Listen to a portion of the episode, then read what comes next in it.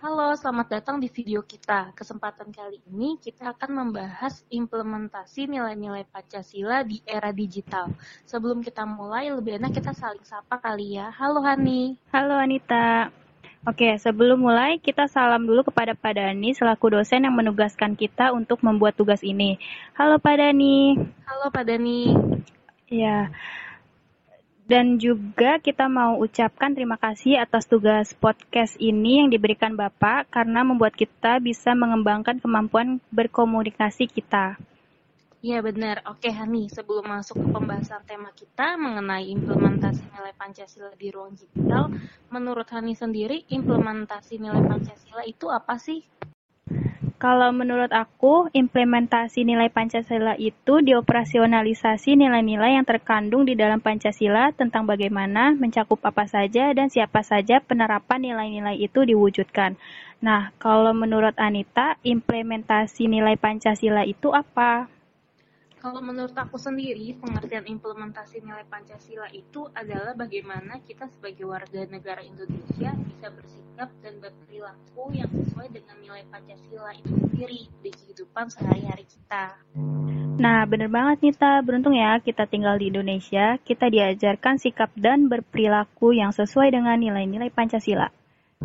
Iya, Hani. Sekarang kita masuk ke pembahasan ya. Nah, kalau dilihat sekarang kan zaman sudah berkembang pesat ya, terutama di dunia teknologi digital, di mana kita sekarang hidup itu bukan lagi hanya di dunia nyata, tapi di dunia maya. Dan artinya juga perilaku kita bukan hanya bisa dinilai dari dunia nyata saja, tapi dari dunia maya juga seperti di media sosial dan platform-platform lain yang bisa menghubungkan kita dengan orang lain. Jadi kita berkewajiban untuk membawa juga nilai-nilai Pancasila saat kita bersosial media. Iya benar nih, kita harus berkewajiban membawa nilai-nilai Pancasila saat menggunakan media sosial.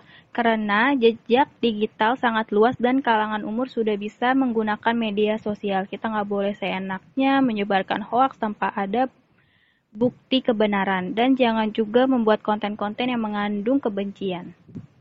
Iya, aku setuju banget sih sama kamu. Penting banget sebagai anak muda Indonesia yang aktif di sosial media untuk memberikan contoh ke anak muda lain pentingnya menerapkan nilai Pancasila di sosial media karena kebiasaan ini bisa menjadi kebiasaan dalam generasi kita atau bahkan suatu saat bisa turun ke generasi kita selanjutnya.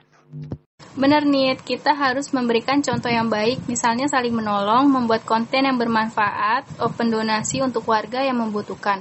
Seperti konten viral di aplikasi TikTok, dia membuat video membagikan 500 sembako ke warga-warga yang membutuhkan. Akhirnya banyak yang mengikuti konten tersebut, walaupun masih ada beberapa yang menghujat. Sedekah kok dipamerin, tapi nggak apa-apa ya Nit. Yang penting kita bisa ambil sisi positifnya, karena sadar tidak sadar banyak orang yang akhirnya ikut bergerak untuk bersedekah. Nah, iya, ada lagi nih, seperti yang telah kita ketahui bahwa tidak semua informasi yang kita dapatkan di sosial media itu informasi yang baik dan mendidik. Banyak juga di antara informasi-informasi tersebut melenceng dari nilai-nilai yang terkandung dalam Pancasila. Betul nih, menurut aku juga kita sebagai anak muda Indonesia jangan sampai mudah terpancing atas berita berita-berita provokasi yang ada, karena banyak juga yang sebenarnya tidak sesuai dengan kenyataan atau hoax. Iya bener banget, jadi sebagai muda Indonesia harus pandai memilah-milah berita ya Hani. Iya bener nih, oh iya aku juga sekarang mau ngomongin soal budaya, budaya di Indonesia ini kan banyak ya Niet. Itu juga sesuai dengan pedoman Pancasila yang kita sebut Bineka Tunggal Ika. Menurut Anita sendiri, gimana sih kita harus melestarikan budaya Indonesia di era digital ini? Di mana yang kita ketahui zaman sekarang bahwa budaya kita sekarang sudah mulai kecampur dengan budaya-budaya barat. Kalau menurut aku, untuk kita bisa melestarikan budaya Indonesia harus mulai dari kita dahulu. Apalagi aku setuju juga seperti yang kamu bilang, kalau memang sekarang ini budaya barat sudah masuk ke Indonesia. Dengan ditambah betapa mudahnya kita di era digital ini mencari informasi mengenai dunia luar. Sangat disayangkan jika nanti nih generasi-generasi kita dan di bawah kita, jika mereka ternyata lebih tertarik untuk mempelajari budaya luar daripada budaya bangsanya sendiri menurut aku gimana kita bisa melestarikan budaya kita ini harus dimulai dari rasa tanggung jawab kita dahulu sebagai warga negara Indonesia untuk melestarikannya. Ini awalnya dulu sih, lalu ditambah dengan action kita. Contoh actionnya mungkin kita bisa mengupload video-video mengenai budaya Indonesia di sosial media kita karena balik lagi ya nih di era digital ini sebenarnya kan sangat mudah banget untuk kita bisa membagikan informasi ke banyak orang ya.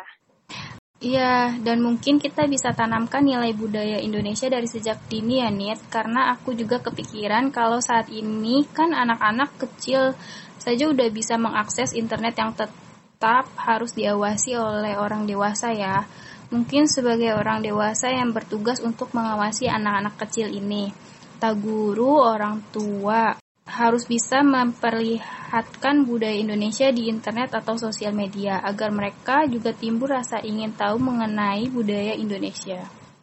Ya setuju Hani, pengenalan budaya Indonesia memang harus dilakukan sejak dini. Nah, nggak berasa ya kita udah ngobrol banyak sekali tentang nilai-nilai Pancasila, berita berita viral, hoax, dan budaya.